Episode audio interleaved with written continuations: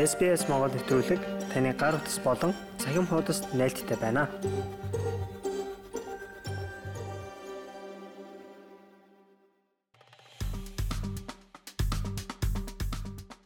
Дэлхийн хүн амын тоо 8 тэрбум төрлөө. Гэхдээ хүн төрөлхтөн энэ янзаараа өсөхгүй. Манай хүн ам өссөөр байхч дараагийн 100-д дээд зэгтээ хүрч улмаар буурч эхлэн гэсэн мэрэгжлийн байгууллагуудын тооцоолол байна.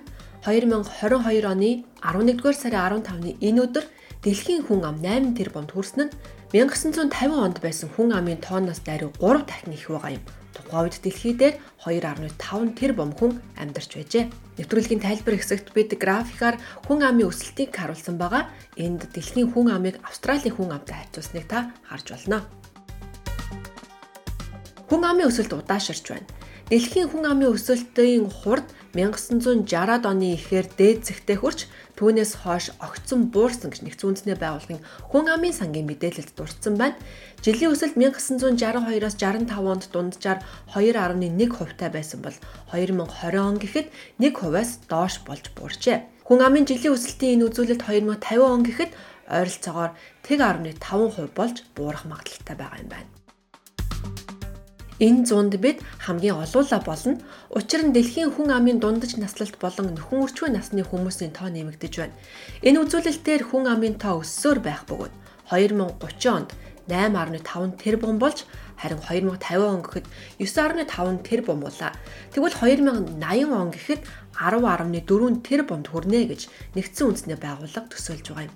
Харин бусад судалгааны төвөөрхөн үүн дээр өөр дүгнэлт гаргасан байна. Америк нэгдсэн улсад төвтэй Health Metric болон Evolution хүрээлэн 2020 онд хийсэн судалгаагаар дэлхийн хүн амынтай 2064 он гэхэд дээд зэгтээ хүрнэ. Гэхдээ 10 тэрбумд яагаад ч хүрэхгүй. 2100 он гэхэд 8.8 тэрбум болж буурна гэж тооцоолж байгаа юм байна. Бидний таамаг нэгдсэн үндэсний байгууллагаас доогор байгаа. Гэхдээ бид үүнийг батлах сайн нотлохой байгаа гэж тус хүрээлэнгийн судалгааны ахлах мэрэгчлэлтэд ярьжээ. Тэдний гаргаж тавьж байгаа баримт бол төрөлтийн тис өөр загварыг ашигласан. За энэ дагуу бол хүн ам ердөө 9-өөс 10 тэр бомдол хүрэх юм байна. Төрөлтийн төвшин буурч байна. 1950 онд нэг эмэгтэй дунджаар 5 орчим хүүхэд төрүүлж байсан бол 2021 онд 2.3 хүүхэд боллоо. Тэгвэл 2050 он гэхэд энэ тоо 2.1 болж буурна гэж нэгдсэн үндэсний байгууллагаас мэдээлжээ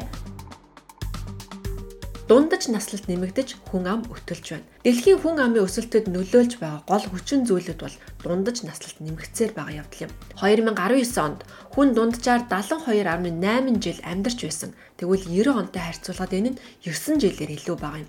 Тэгвэл 2050 он гэхэд дундаж наслалт 77.2 болно гэж нэгдсэн үндэсний байгууллага таамаглаж байна. Үүний үр дүнд төрөлт буурна.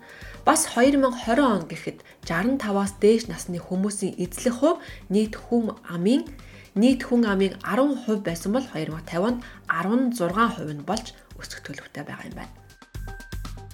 Энэ дэлхийн хүн амын өтөлж байгаагаас хөдөлмөрийн зах зээл үндэсний тэтгэврийн тогтолцоо нөлөөлж өндөр насны асарга асар их зардалтай болохоор байна.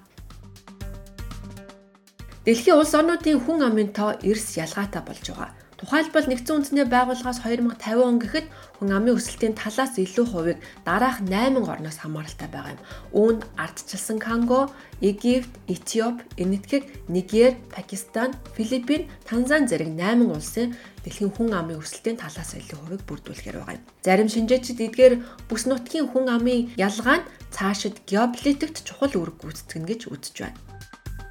Энэтхэгчүүд хятадуудаас олон болно. Өөрчлөгдөж байгаа чиг хандлагын өөр нэг жишээгээр хамгийн олон хүн амтай хятад энэтхэг хоёр улс 2023 он гэхэд энэ дээр байраа солилцох гэж байна гэж нэгдсэн үндэсний байгууллага мэдээллээ. Хятадын 1.4 тэрбум хүн буурсаар 2050 он гэхэд 1.3 тэрбум болно гэж нэгдсэн үндэсний байгууллага төсөөлж байна.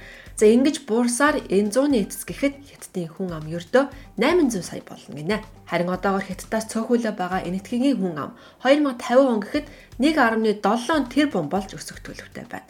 Америкийн нэгдсэн улс 2050 онд нэгдсэн үндэсний байгууллагын хамгийн олон хүн амтай 3 дахь орон хэвээр байх боловч 375 сая хүн амтай нэгээртээ тэнцэж ирэх нэ. Харин Австралид одоогийн байдлаар 26 сая хүн амьдарч байна.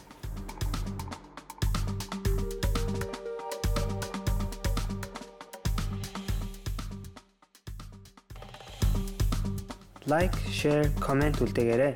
SBS Монгол Facebook хуудсыг дагахаа мартаоцай.